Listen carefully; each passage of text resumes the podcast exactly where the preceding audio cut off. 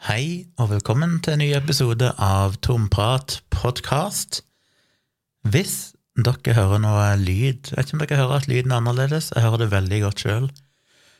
Fordi de som så på livestreamen på fredag kveld med meg og Tone, som heter Ærlig talt, den ligger fortsatt ute på YouTube hvis dere vil se den, både på min kanal, Tvilsomt med Kjomli, og på Tone sin kanal, som heter Tone Sabro.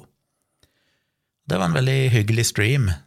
Det var første gang vi samstreama til Tone sin kanal. Hun er ganske mange subscribers, og hun har jo mest engelsk innhold, så hun er jo mye abonnenter fra hele verden, spesielt folk som er opptatt av tatoveringer og sånn. Så da vi gikk live, så dukka det jo opp noen folk fra USA og India og overalt. Så vi veksla litt mellom engelsk og norsk. Tenkte vi måtte snakke litt engelsk òg, siden det var et internasjonalt publikum. Men det var gøy. Det ble en veldig bra stream, syns jeg. Men der fortalte vi jo om denne nyheten, som jo ikke er så fryktelig spennende for andre enn oss sjøl, men eh, det er iallfall veldig spennende for oss. Vi skal flytte til Kristiansand, og derfor er kanskje lyden annerledes her inne. Og da lurer du på hva er sammenhengen mellom Kristiansand og lyden i studioet til Gunnar? Jau, ting skjer fort. Vi skal ikke gå gjennom alt igjen. Dere kan se den lange versjonen inne på livestreamen hvis dere vil det, men, men kort fortalt, vi ble enige av ulike årsaker om at vi rett og slett skal flytte til Kristiansand. Det skjedde relativt fort.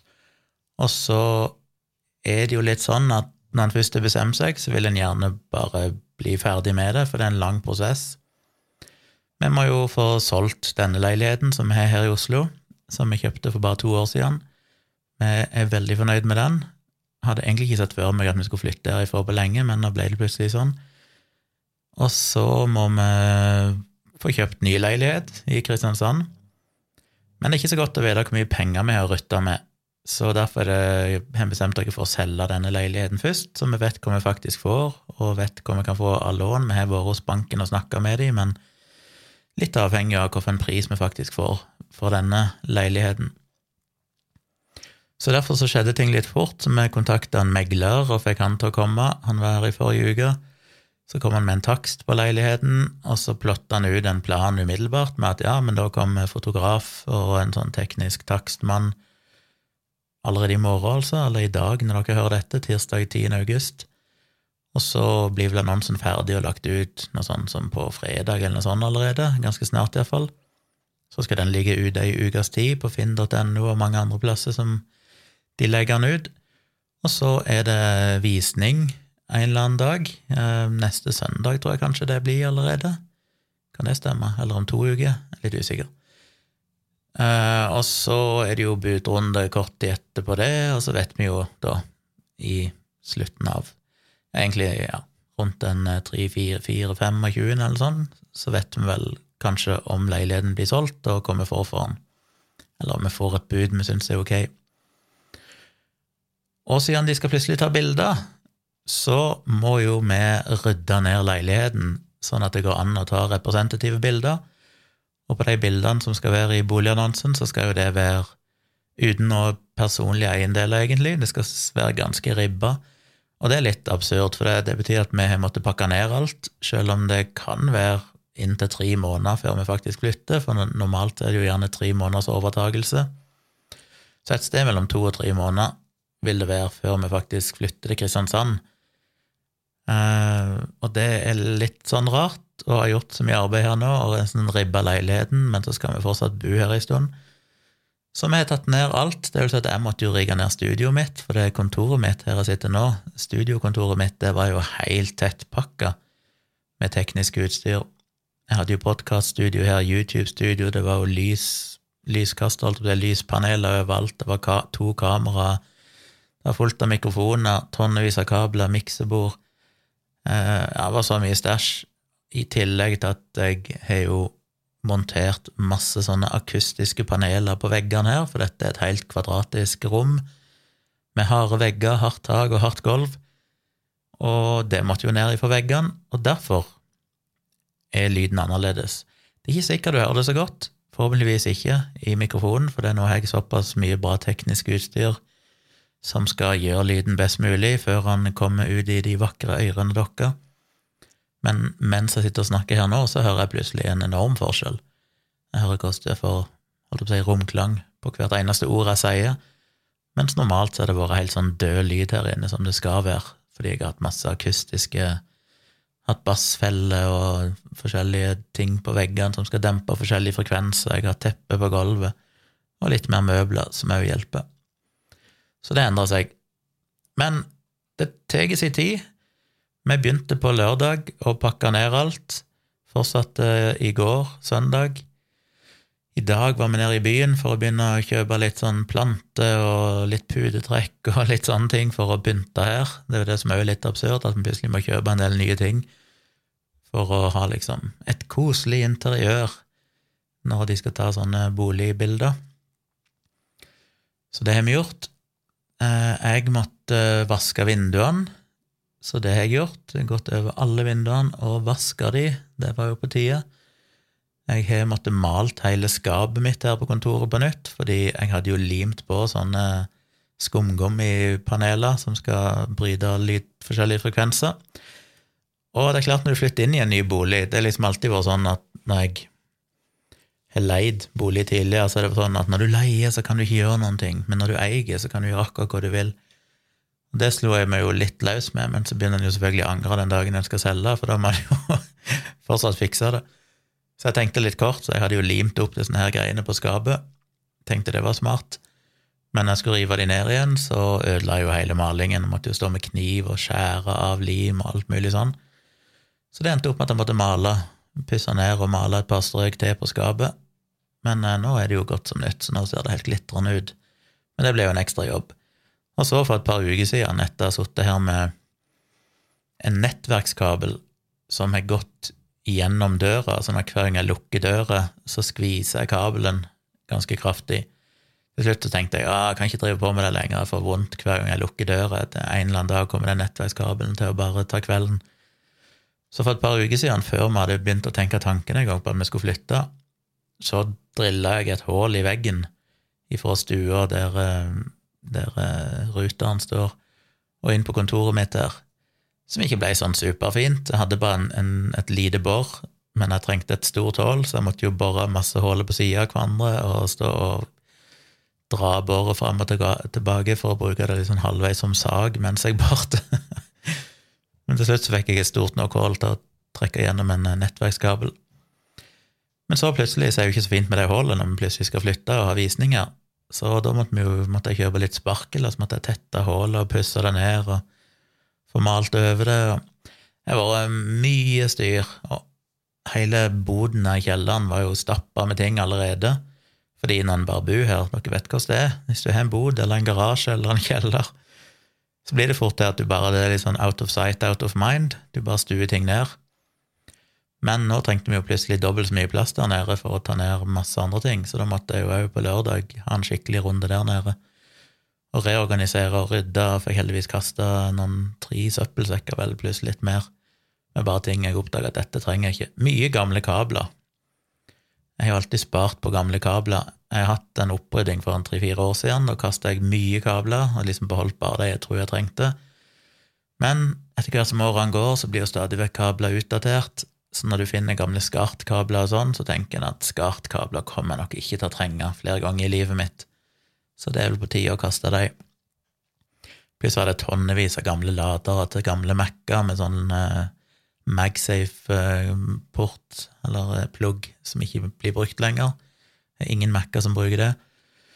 Og litt sånn med gamle Firewire-kabler og sånn. Det er ingenting lenger som bruker Firewire og sånn. Så um, kvitter meg med mye. Og så har jeg en hel kasse der nede som bare er full av eksterne harddisker og et par gamle Mac-er, Macbooker og litt sånn som er årevis gammelt og har slutta å virke for lenge siden, men jeg har aldri klart å kaste de, for på alle de diskene så er det jo potensielt sensitivt materiale. Jeg bruker jo disse datamaskinene til jobb, jeg har jo masse personlige skriverier, jeg har arbeidsavtaler, jeg har masse regnskapsgreier, og noen av de Mac-ene har konka ut, så jeg får liksom ikke sletta disken, og jeg har noen eksterne disker som jeg ikke får starta opp, og jeg aner ikke hva som ligger på de diskene. Og det, så det endte opp med at jeg bare dratt de med meg fra bolig til bolig, for det er sånn, jeg vet ikke hvordan jeg skal kvitte meg med disse, så jeg får bare ta de med meg. Men nå må jeg kvitte meg med det, jeg kan liksom ikke drive og drasse de med meg lenger, så Så det er noe jeg må finne ut av i løpet før vi flytter. Jeg må finne en plass der jeg kan destruere de diskene på en trygg måte. Eh, jeg må google litt. Det er vel firma som tilbyr sånt, selv om det ikke bare bare å dra de med seg heller. Det veier jo et tonn med alt det utstyret. Så ja, jeg fikk kasta litt, omorganisert, båret ned masse møbler og styr som ikke skal ha stående her, sånne småting. Elektriske piano, for eksempel, eller synten som jeg kjøpte her for noen måneder siden. Alt sånn ut av stua, for det skal liksom se mest mulig romslig ut, så vi beholder bare akkurat det som er sånn må være der, sofa, et par sånne små bord og litt sånn. Eh, så det har vært en hel jobb, det må jeg virkelig si. Det har tatt dere tre dager så langt. Det fine med det er jo at når vi endelig skal flytte, så er jo ja, en tredjedel, kanskje halve jobben gjort, nesten. Eh, Tone hadde jo mye å gjøre, hun hadde jo en hel garderobe full av klær som hun måtte pakke ned i sekker og stue ned i kjelleren, og mye styr. Så det har vært mye. Men det er godt å ha det gjort, for da eh, og Som jeg sa til Tone, at eh, jeg blir litt glad òg, spesielt dette kontoret, fordi dette kontoret har ett vindu som dekker den ene kortveggen, og det, for de som har sett på YouTube-videoene mine, så sitter jeg med ryggen til det vinduet, men jeg har hatt en sånn grå fotobakgrunn eh, som er hengt opp i vinduet i gardinstanga bak meg, så jeg kan liksom ha farga lys på den. Men det har jo dekka 100% av vinduet, så her har det ikke vært sollys på siden i fjor en gang, da jeg rigga det opp. Og det var helt tettpakka, som sagt, med mikrofoner og sånn, så jeg måtte bøye meg ned og sånn for å komme meg inn til kontorplassen min. Men jeg merker jo det at når jeg plutselig får lys inn her igjen og har fått vekk så mye stæsj, er det jo så mye triveligere. Så, så i ny bolig så har jeg en stor ambisjon om at jeg skal ha et, et, et rom jeg kan bare ha til kontor, og det skal være godt med lys og skal ha minst mulig der. Skal bare ha en ganske sånn clean overflate med bare akkurat datamaskinen og skjermene og mus og tastatur. Og så skal jeg helst ha et helt annet rom til studio, og det kan være mørkt, og der kan jeg ha mye utstyr. Men jeg tror det går litt utover arbeidsmotivasjonen å sitte i sånn kålmørkt rom som er helt tettpakka med ting. Det er ikke så veldig trivelig. Så jeg tror jeg må skille kontoret fra studio hvis, hvis vi får en bolig som gjør det mulig. Jeg trenger ikke mer enn en sånn ja, seks, sju, åtte kvadratmeter til kontor. Det holder massevis. Og så Litt større til studio, helst. Men ja, så derfor er det blitt litt annen lyd, men jeg måtte jo òg rigge ned alt av lydutstyret mitt. Men siden jeg skal fortsette å podkaste fram til vi flytter, så eh, har jeg redusert utstyret. Jeg har jo et rack som jeg kjøpte for en tid tilbake, der jeg har noen sånne lydprosessorer, én til hver mikrofon. Men selve miksebordet og det som gjorde at jeg kunne sende lyden ifra de analoge mikrofonene og prosessorene og sånn, og gjøre det om til digitalt og få det inn i datamaskinen for å spille det inn. Det måtte jeg pakke ned, for det er for stort å stå her. Så i dag var jeg nede og kjøpte meg en liten rack-monterbar eh, dings. Jeg skal ikke gå inn i de tekniske detaljene, men den gjør at jeg kan koble alt uh, lydutstyret inn i den, og så kan jeg ta det ut digitalt og inn i datamaskinen. Så det ser jo mye cleanere ut, og det er egentlig en bedre løsning, så det spørs om jeg bare selger det miksebordet og sånn. Det tar egentlig for mye plass, og det er så deilig at ting er rekk montert, for da er alt bare ferdig festa inn i en liten kasse på hjul, så det er lett å transportere med seg. Så den er jeg fornøyd med. Det er en såkalt Focusrite Scarlett 18 i 20, heter den. En rekkmonterbar versjon av den samme dingsen som både Tone og Dag Sørås bruker. De er en sånn liten en der du kan ta to mikrofoner inn. Denne her er ganske mye større, og du kan ha åtte mikrofoner inn. Så det syns jeg er veldig gøy. Det er sånn jeg elsker. Og så ser han så sexy ut òg. Nydelig rød farge med svart front og fine lys. det gjør meg litt glad. Men ja, i morgen grytidlig klokka åtte om morgenen så kommer takstmann, som jeg må opp tidlig, derfor jeg få punche ut denne podkasten fortest mulig. Det er fortsatt ikke bikka midnatt. Og så har vi noen timer midt på dagen til å gjøre ferdig ting, støvsuge. Vi hadde jo støvsugd og vaska og alt mulig, men så har vi jo drevet og herja med flytting og sånn, og plutselig så er jo gulvet skittent igjen. Så vi må ta en liten runde på det. Gjøre alt klart til fotografering. Og noe av det som er spennende, er at vi har tatt ned alt av bilder og sånne ting som er hengt på veggen. eh, men da blir veggene veldig tomme. Og vi har jo malt stua svart, så det kan se litt sånn Kanskje litt vanskelig å se størrelsen i det hvis det er bare svarte vegger. Så vi måtte ha et eller annet på veggene, så i dag så ringte jeg rundt og fant et uh, trykkeri, holdt jeg på en sånn printshop, som kunne printe noen bilder til meg over natta, så jeg kan hente de i morgen. Det var det heldigvis uh, en, uh, en sjappe som heter Copycat, som kunne gjøre. Jeg har jo allerede printa to sånne som jeg ga i gave til bursdagsgave til Tone for et par år siden. To bilder som hun likte, som jeg hadde tatt, som jeg printa ut på 50 ganger 75 størrelse, på sånne såkalte Capa-plater, som er sånne ja, en halv centimeter tjukke Vet ikke hva de er lager av. Et eller annet stoff, et eller annet materiale. De er veldig lette. Men det gjør bare at du får printa ut bildet, så det er stivt. Du trenger ikke ha noe ramme på det. Du kan bare feste det rett på veggen.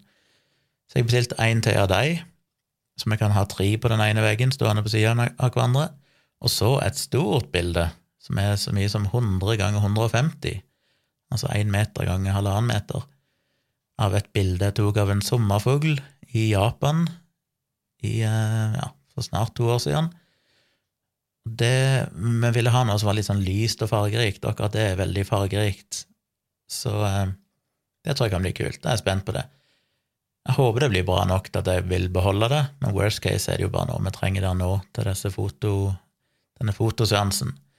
Men, eh, så jeg fikk ikke brukt altfor mye tid på å justere bildet, jeg måtte bare redigere det i full fart og så prøve å satse på at det ble egna seg til print, men det er alltid litt sånn tricky, for når du printer ting, så blir det seende annerledes ut enn det de gjør på skjermen og sånn. Så jeg vet jo ikke helt hva resultatet blir, men det blir forhåpentligvis godt nok til å bare fungere som litt pynt. Så det var alt jeg hadde å si om eh, det. Når jeg får de bildene i morgen, må, må ned i byen før fotografen kommer og henter det. Pluss vi skal hente litt flere planter, noen små planter, og bare putte på noen huller rundt forbi og sånn. Så må jeg nok ta bilde av veggene med de bildene mine på.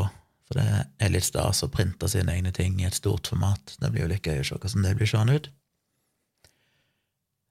Må minne dere på, før jeg går videre, om at eh, på onsdag så blir det en ny VI-prat, eller VIP-prat, inne på kritisketenkere.no. Det var veldig kult sist, på onsdag. Vi har det hver onsdag klokka åtte. Eh, det var med en gjeng der som satt og prata om alt mellom himmel og jord. Veldig trivelig. Men jeg har lyst til skal komme enda flere neste gang, og det er foreløpig flere som er påmeldt, så det ser lovende ut. Hvis dere har lyst til det, gå inn på kritisketenkere.no og registrere en gratis brukerkonto. Da kan dere bruke forumet og delta i interessante debatter som pågår der inne. Eh, hvis dere vil være med i VI-prat, så må dere bli VIP-medlem og det koster 10 dollar, som er hva er det, 88 kroner eller sånn for tida, i måneden. Eller du kan kjøpe et helt år om gangen. Da betaler du eh, litt over 800 kroner for et helt år for to måneder gratis. Og da får du tilgang til mine foredrag. det ligger vel tre videoforedrag der. Begge bøkene mine ligger ute som lydbøker, du får litt bonuspodkaster og litt forskjellig, og du kan delta blant annet i VI-prat, VIP-praten. Så gjør gjerne det. Det er ikke noe bindingstid hvis du kjøper en måned, så hvis du ikke syns det er verdt det, så kan du kansellere. Um, så tenkte jeg at jeg må snakke om Ja, før jeg gjør det, så må jeg bare si at for de som venter på at jeg skal intervjue Henrik Vogt angående dette her Recovery Norway og ME-debatten og Lightning Process-debatten, så har vi vel endelig fått spikra det, så det blir nok i neste uke. Så ja, fredagen vil jeg anta i neste uke, altså om eh, nesten to uker, så kommer nok den episoden, vil jeg tro, hvis alt går etter planen. Så den er, den er på vei.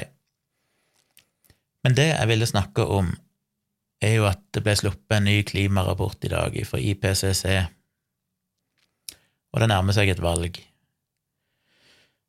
Og det er mye vi som privatpersoner kan gjøre, selvfølgelig, for å leve mest mulig miljøvennlig, men til syvende og sist så ser vi jo Jeg mener, det har vi kunnet gjort i 30 år, men det, vi er vel bedre enn det vi var for 20 år siden. Håper jeg. Det blir ikke produsert noe mindre søppel eller noen ting sånn, så alt det går jo feil vei. Det blir vel ikke kildesortert noe mer heller. Den andelen som blir kildesortert, er vel leie ganske stabilt i veldig lang tid. På tross av alle tiltak, så det er mye en kan gjøre, selvfølgelig, personlige valg, men til syvende og sist så må det løses på et nasjonalt nivå eh, egentlig et internasjonalt nivå, men vi kan ikke bestemme over resten av verden, så, så det beste du kan gjøre for miljøet, er det du gjør på valgdagen. Og jeg har jo kommet fram til nå at vi Jeg mener, det er jo bare å kikke rundt seg på det ekstremværet som har vært de siste årene. I år enda mer enn noen gang, egentlig. Med branner, tørke, 50 grader i Canada. Um, en kan jo alltid si at eh, ja, men du kan ikke knytte én spesiell værhendelse til klima. Nei, men det har vært gjort ganske mye utregninger på dette nå i senere tid. Han har prøvd å regne ut hvor sannsynlig er det at disse ekstreme værtilfellene, ekstreme temperaturer sånn, kunne skjedd bare gjennom ren tilfeldighet. Og da har en funnet fram til at det er basically helt umulig, helt statistisk umulig. Det er kun mulig at det kan skje så ofte som det gjør, hvis det har vært en reell global oppvarming. Så den nye klimarapporten er jo ikke spesielt hyggelig lesning. Den sier vel at uh, vi har økt 1,1 grad allerede siden uh, den industrielle tida begynte, og mener at vi kan nå 1,5 graders temperaturøkning allerede på 2030-tallet, altså bare om litt over ti år. Det er ikke lenge til. Og 1,5 grader Altså, vi har jo allerede sett effekten nå. 1,5 grader vil ha enda mer dramatiske konsekvenser.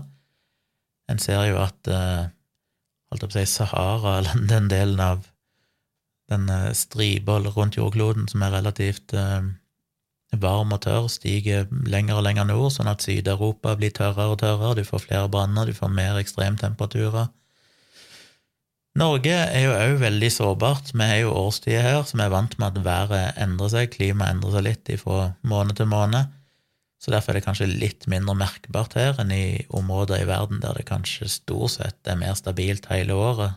Når de plutselig får større utslag i en eller annen retning, så merker de det. Men en må jo alltid huske på at vi snakker om global oppvarming. Det betyr jo ikke at det nødvendigvis blir varmere overalt. Det var jo en ting vi snakket litt om i livestreamen på fredag. Det var noen som trakk fram dette med Golfstrømmen, og det er jo en av de tingene som er skummelt. Vi vet jo ingenting, og det kan ta lang tid, men det er ikke helt utenkelig at Golfstrømmen blir påvirka. Og Golfstrømmen er jo årsaken til at Norge, spesielt kysten av Norge, er såpass varm som man er, relativt sett. Med tanke på hvor langt nord vi er, så burde det egentlig vært enda kaldere her. Men fordi Golfstrømmen fører oppvarma vann ifra eh, ja, Hva er det den kommer ifra? Den er ifra si, Mellom-Amerika, borti der. Krysser Atlanteren og opp mot eh, norskekysten og roterer tilbake igjen. Så får vi dratt opp ganske varmt vann som gjør klimaet her generelt sett varmere enn det ellers ville vært. Hvis du får eh, for mye oppvarming av vannet i nord, for den, den Golfstrømmen blir jo blant annet drevet av at det kommer kaldt vann ifra Nordpolen og ned, som synker ned, og så skaper det en rotasjon som på en måte trekker vann nordover fra Atlanteren og drar med seg varmt vann opp. Hvis du varmer opp vannet i nord for mye, så får du ikke den dynamoeffekten lenger. Da får du ikke kalde, det kalde vannet som synker og, og holder gang. Det er liksom motoren i den strømmen. Det kan bety at uh, Golfstrømmen i worst case stopper helt, bare kollapser, men det kan iallfall endre på strømningene. Og det er klart, hvis det skjer, så vil nok Norge bli vesentlig kaldere enn det er nå. Så global oppvarming kan føre til at Norge rett og slett blir kaldere. Og det har jeg jo ikke lyst til. Jeg er ikke noe glad i kulde, for å ta det egoistiske perspektivet. Men det vil jo selvfølgelig ha stor, store konsekvenser for alt på fiskerinæringen til landbruk til alt mulig rart. Så det er viktig å huske på. Global oppvarming er jo en global gjennomsnittsoppvarming, men selv om snittet går opp, så betyr det at noen plasser blir veldig mye varmere, andre plasser kan fortsatt bli kaldere, og snittet globalt kan fortsatt stige. Så det er bare en sånn liten ting å ha i bakhodet. Så de antar jo at det blir mer ekstremvær, og det vil ha dramatiske konsekvenser. En ser jo allerede at det er flyktninger fra Sør- og Mellom-Amerika som som flykter oppover mot USA fordi at landbruket er kollapsa. Det er vanskelig for dem å dyrke mat lenger og tjene penger på, på matproduksjon. Det vil en se sannsynligvis i Sør-Europa. det, ja. Det burde ikke være nødvendig å forklare, egentlig, hvor brutale konsekvenser det vil ha. Ikke bare fordi å, det blir ekstra varmt, eller å, det blir ekstra kaldt, og det blir kanskje mer regn, mer snø, eller det blir mer skogbranner, mer eh, flom. Det er jo en av de store tingene. I tillegg til at havet vil stige, som òg vil ha en del konsekvenser mange plasser i verden. Ikke bare en del brutale konsekvenser en del plasser i verden. Og global oppvarming tar jo enormt med menneskeliv allerede. Så det er jo fortsatt rart at vi ikke har mer fokus på det. Men eh, hva kan vi gjøre? Vi kan bruke stemmeseddelen. Og jeg er vel overbevist om at Jeg mener, alle valg er jo sånn at du finner jo ikke det ene partiet som er perfekt for deg. Jeg tror alle har ting de er uenig med, med det partiet de har stemt, men det er jo på en måte å finne det partiet du kanskje er mest enig med, på tross av ting du kanskje ikke liker i politikken. Og jeg tror tida er kommet nå til at vi må svelge noen kameler. Vi er nødt å prioritere klima over noen ting annet. Så jeg har jo sagt en del ganger før, at, eh, og det stemmer jo sånn sett overens med valgomatene òg, at for meg så er det SV og MDG det egentlig står mellom. SV har jo vært miljøpartiet før, ja, i 20 år før MDG i det hele tatt eksisterte. Um, så SV har jo en god miljøpolitikk. MDG har jo en god miljøpolitikk, men det er vanskelig å få oversikten, selvfølgelig. Så jeg, jeg kikker jo bare litt på Naturvernforbundet. De har jo laga en oversikt, en såkalt partiguide, der de har stilt en del spørsmål og sett hva de forskjellige partiene svarer. Altså de lager en sånn skjema som viser hvilke partier er det som, som er opptatt av klima, miljø, på forskjellige områder. Jeg skal ikke gå gjennom alle detaljene, for det er ganske mange spørsmål. Det er vel ja, nesten 40 spørsmål som de forskjellige partiene har svart på, men det kan være greit å bare trekke fram noen få ting som er forskjellene.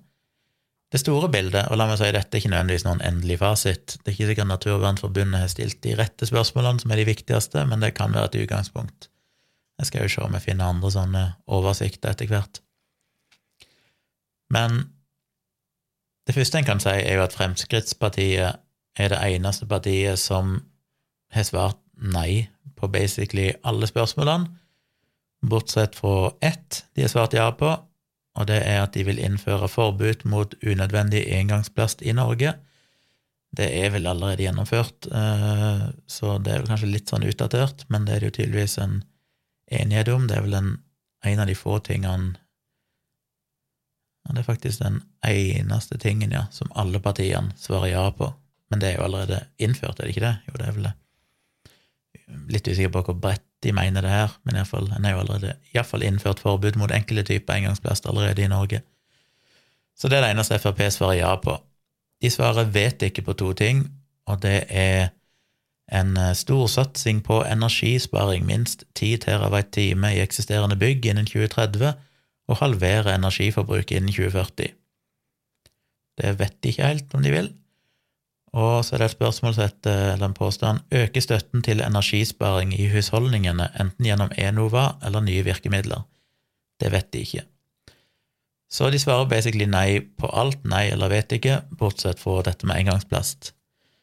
Så jeg mener uansett hva du måtte mene om politikken til Frp ellers, jeg syns jo, som alle vet, jeg er ikke spesielt glad i Frp, men det er helt fair å, å ha sitt parti.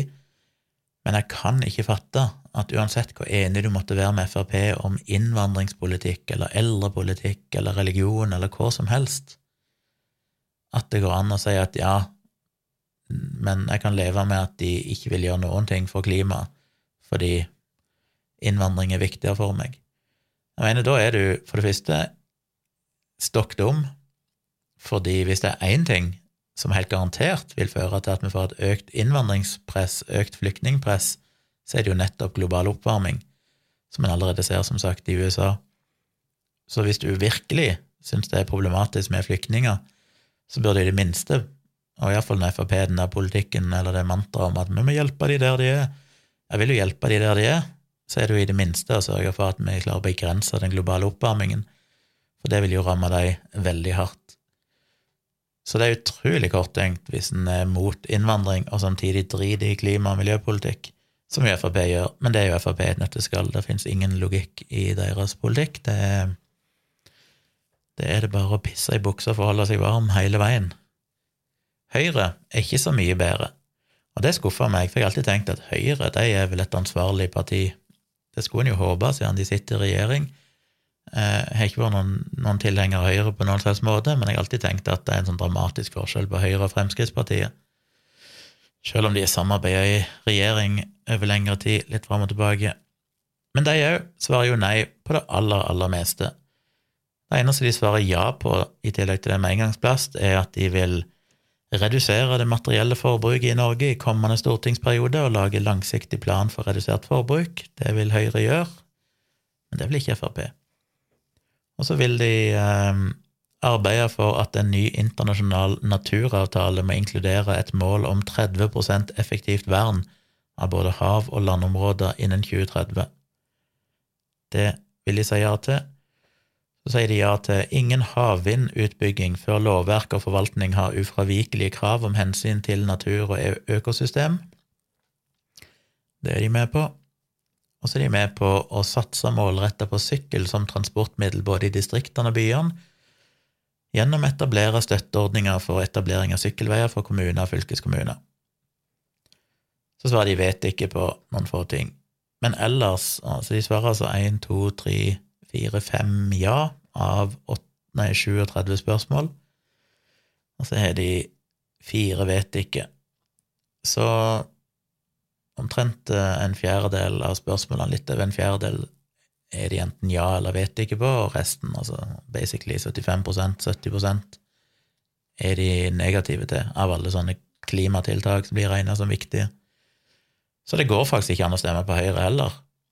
Du kan, altså jeg mener uansett hva du måtte mene om privatisering og den økonomiske politikken altså, jeg, Uten at jeg er nødvendigvis hørt argumentene, så kan jeg jo tenke meg, bare rent sånn ideologisk, at Høyre vil se på seg sjøl som et minst like bra miljøparti som eh, andre partier, men at de vil bruke andre virkemidler, som jo som regel handler om at de vil ja, satse på basically kapitalisme, at kapitalisme skal løse dette her. Men du kan virkelig ikke mene det i 2021. Med, dette har vi jo si, prøvd i 30-40 år. Hvis det hadde løst problemene, så hadde vi ikke hatt dette problemet nå. Det er bare én måte å løse disse problemene på, og det er at du fra høyeste hold for regjeringen må innføre strenge endringer i måten vi driver dette samfunnet på. Og da er det jo trist at noen rike mennesker sannsynligvis ikke kommer til å tjene så mye penger som de kanskje en gang har gjort, eller at um, industrien og næringslivet må tenke nytt, som kanskje vil være krevende og koste penger. Men du kan ikke fortsette med at, eh, at penger, kapitalismen, markedet skal løse dette av seg sjøl på et eller annet magisk vis, for det har ikke skjedd, og det kommer ikke til å skje. Og hvis det skjer, så skjer det iallfall altfor seint. Så der òg. Jeg har all sympati for at noen mennesker, jeg, jeg kjenner mange, som jeg respekterer og syns er veldig bra folk, som stemmer Høyre, men der tror jeg du må svelge en gigantisk kamel. Du kan virkelig ikke stemme Høyre ved dette valget hvis du i det hele tatt følger med på verden rundt deg og hva som er i ferd med å skje. Så får du heller stemme Høyre om eh, fire år igjen, når de har fått seg en blåveis og innsett at eh, ok, her eh, må vi visst gjøre noen grep. Så kanskje de, de ender opp med en bedre miljøpolitikk, og så kan du få i både pose og sekk. Men det er noe med det at uh, en må Om du stemmer et annet parti denne gangen, så er jo det et signal.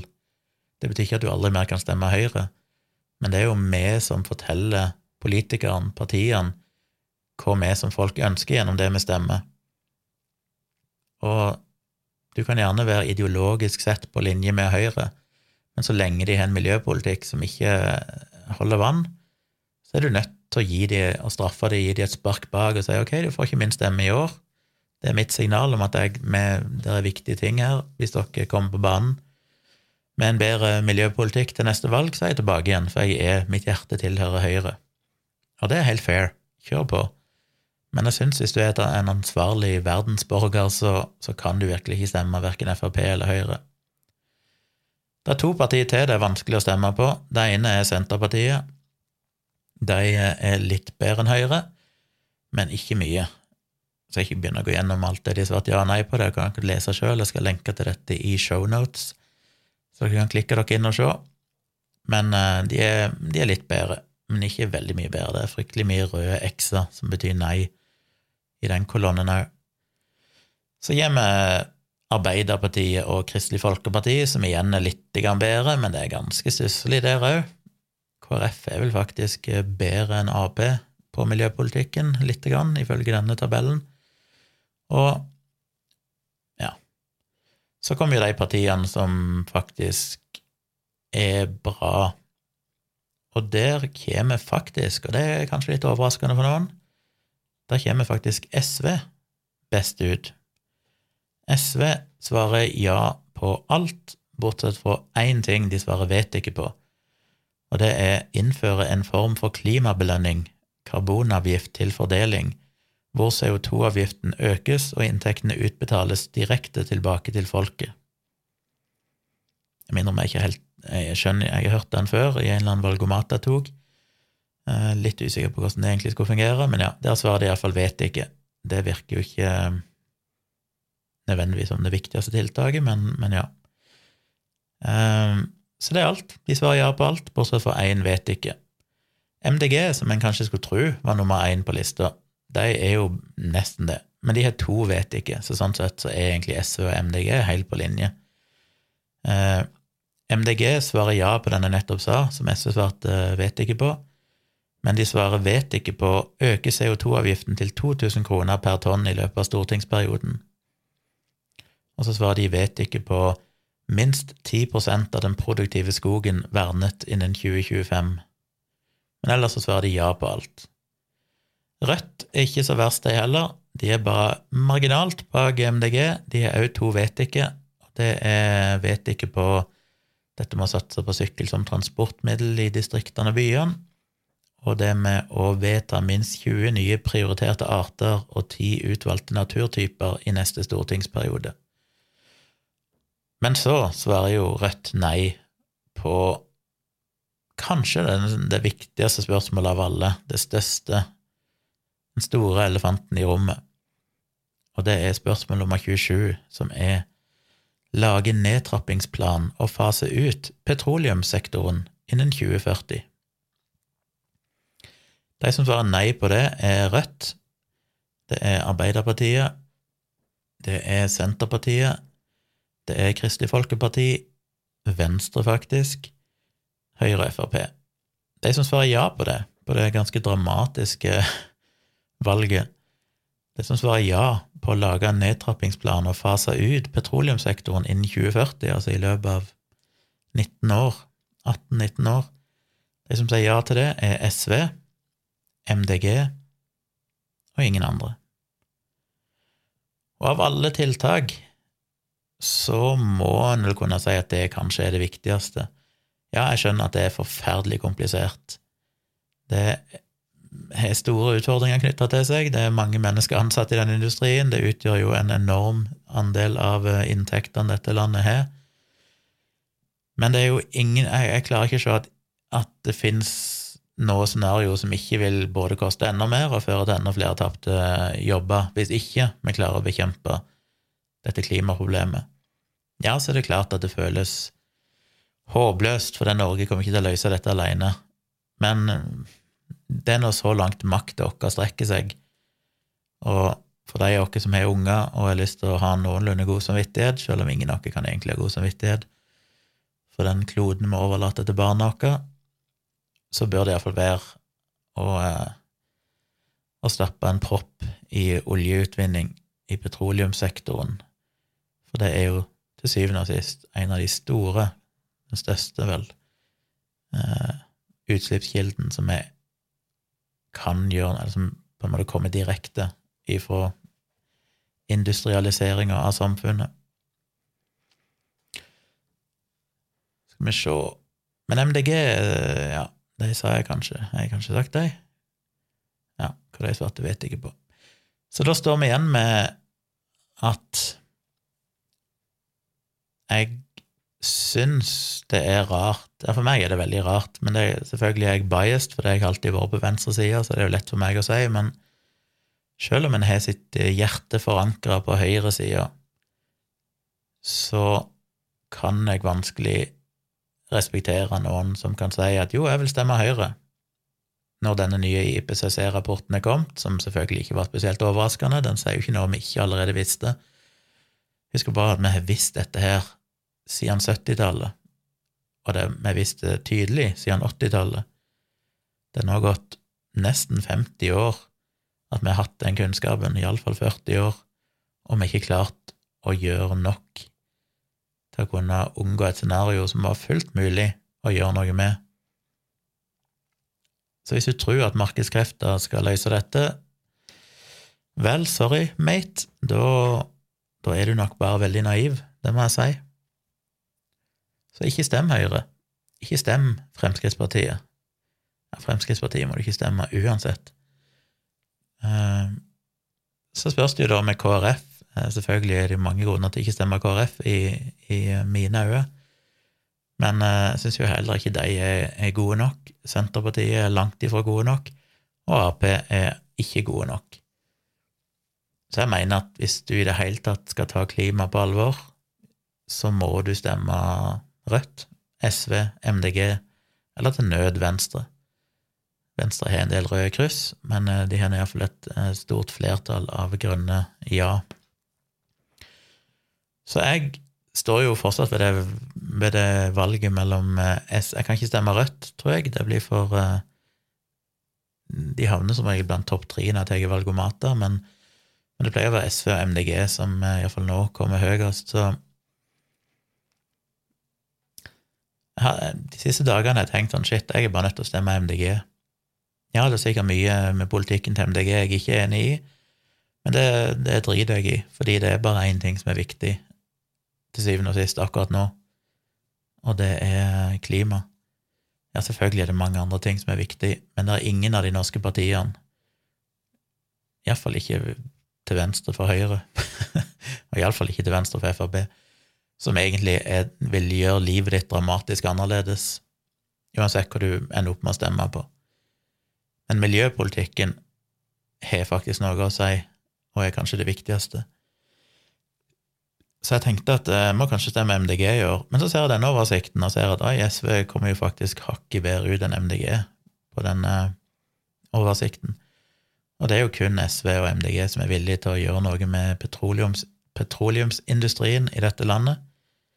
Og da mener jeg at valget realistisk sett står mellom de to. Så jeg har ikke helt bestemt meg.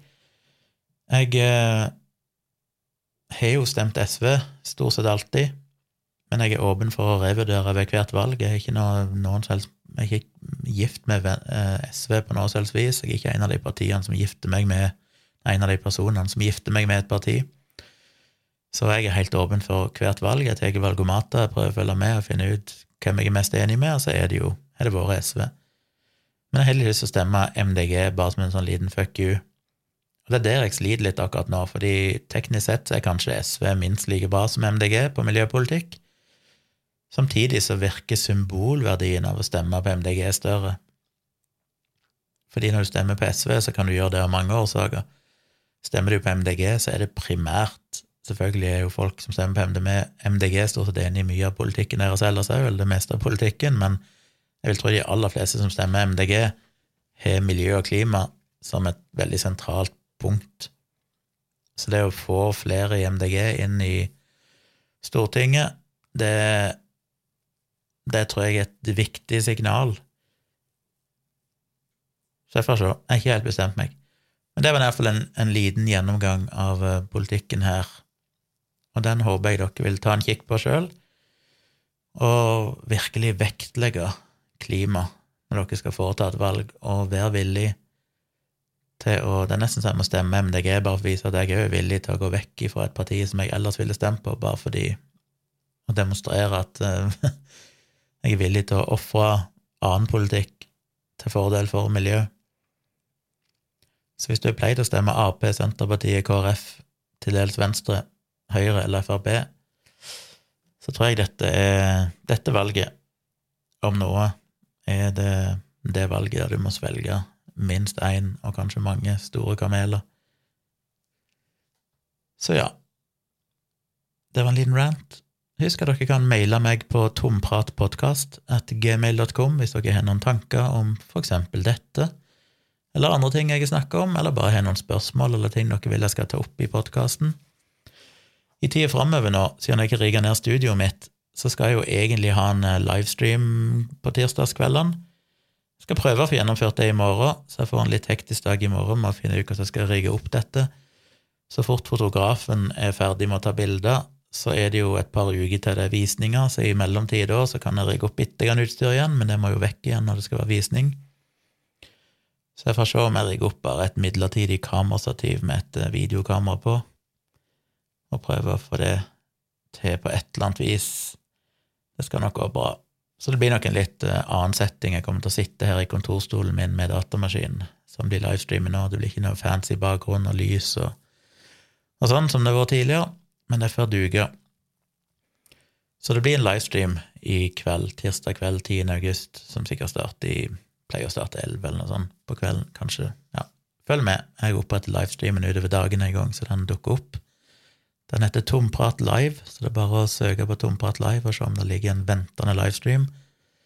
Så håper dere vil være med på det. Og på fredag så blir det jo en felles livestream. Det skal vi nok òg gjennomføre i stua som vanlig. For der har vi alt utstyret som vi pleier å bruke. Det står klart, det har vi ikke pakka ned, så det skal vi kunne måke inn her og ta i bruk. Helt til slutt så vil jeg bare si en ting som jeg begynte å tenke på den ene kvelden. Jeg elsker jo å se på YouTube, jeg elsker å se på reaction-videoer. Og så spilte de, var det en reaction-video der ei afrikansk dame, og da mener jeg afrikansk i den forstand at jeg vet ikke helt hvilket land hun bor i, men um, Nigeria eller et eller annet sånt, som hadde en YouTube-kanal, det er flere av dem, og litt sånn crappy kvalitet, men uh, det er litt morsomt å se på folk som egentlig har vokst opp i en helt annen kultur med en helt annen musikk, reacta på på si, vestlig populærmusikk, Eh, der til og med Beatles, for eksempel, er relativt ukjent for dem. Så hun reacta på en sang av Beatles, og det var sangen She's Leaving Home. Og når jeg hørte den, så kom jeg på en ting, og det er hvordan det er enkelte sanger opp gjennom i livet mitt som har vært for fine eller emosjonelle eller et eller annet som gjør at jeg ikke er klart å høre på dem. Og jeg begynte å tenke over litt hvilke sanger er det Og jeg husker helt tilbake fra barndommen min, så var det spesielt to sanger som pekte seg ut da jeg var liten, som barneskolealder. Og det var Wuthering Heights av Kate Bush og Moonlight Shadow. Um, nå står det helt stille for meg hvem som har Jeg vet jo godt, jeg husker til og med hvordan coveret ser ut. Jeg må bare google Mike Oldfield, ja. Um, og som seinere, på 90-tallet, kom en sånn remix av, uh, av den, gjorde ikke det? Nei, nå blander jeg. Det var Maggie Riley som synger på Moonlight Shadow, hun kom vel med en sang seinere. Hva var det for noe igjen? Ja, var det den? Nei, nå husker jeg ikke. Uansett, de to sangene var så magisk fine for meg at jeg sleit med å høre de. Det var et eller annet sånn Det, det ble så det ble nesten spooky, det var sånn trolsk. Jeg husker bare når jeg hørte Wuthering Heights, så var det Det, det bare rørte et eller annet i meg som gjorde at, jeg, at det var ubehagelig. Det var ekstremt fint, syns jeg, men det var ubehagelig. På, og jeg klarer ikke å sette ord på hvorfor det var ubehagelig. Men et eller annet som gjorde at jeg styrte egentlig unna den. Men så endte jeg å kjøpe en CD med Kate Bush jeg vet ikke om albumet heter Wuthering Heights, eller hva han gjør, men iallfall det albumet som det, den sangen er på. Den kjøpte jeg i 3 eller 94, da jeg bodde på hybel i Oslo og studerte i Gåsauet på universitetet. Eh, da gikk jeg og kjøpte meg den og hørte litt på den. Men, men i barneskolen og sånn, så klarte jeg ikke å høre på den. Sammen med Moonlight Shadow, den ble bare, den bare Det var bare et eller annet haunting er liksom nærmest ordet, noe sånn trolsk, magisk, et eller annet. Eh, da jeg ble litt eldre, ute på slutten av 90-tallet, så kom jo Radiohead med det albumet som Jeg husker ikke hva albumet heter. Heter det Paranoid Android? Nei, jeg vet ikke. Gidder ikke google det heller, det er ikke så nøye, men iallfall det albumet der Paranoid Android og Karma Police er på. Og de òg ble bare for fine for meg. De ble for mektige, på et vis. Det var liksom noe av det mest praktfulle musikken jeg hadde hørt, men derfor så klarte jeg ikke å høre på det. Det var ubehagelig, for det var så bra. Eh, så jeg begynte å tenke litt, så gjelder jo det jo enkelte Beatles-sanger. Det er noen sanger av Beatles som òg bare bare vekker en eller annen følelse i meg. Sikkert litt knytta til barndommen, fordi jeg hadde en eldre bror som var Beatles-fan, og han som introduserte meg for mye musikk. Og tre år eldre enn meg, så han var akkurat gammel nok til at når han liksom ble ungdom eller begynte å høre på en del sånn musikk, så var jeg fortsatt ja, tre år yngre, som er ganske stor forskjell i den alderen. Eh, og jeg plukker opp mye fra han, og han har hørt mye på Beatles. Og jeg vet ikke om det er bare et eller annet med at det gir meg Jeg har jo aldri vært noen fan av nostalgi. Jeg liker ikke å tenke tilbake inn på barndommen og ungdommen og sånn, for det, alt sånt gir meg bare en dårlig følelse. Ikke fordi at noen ting var galt, eller noe sånt, men det er bare et eller annet med fortid jeg ikke liker. Jeg er et veldig fremtidsmenneske, jeg ser liksom alltid framover, jeg er veldig optimist, skal alltid nye prosjekter, skal alltid gjøre nye ting. Men jeg er ikke så glad for å dvele ved gamle ting, så jeg sparer veldig sjelden på gamle ting. Jeg kaster ting. Jeg vil ikke ha gamle minner fra barneskolen og sånn.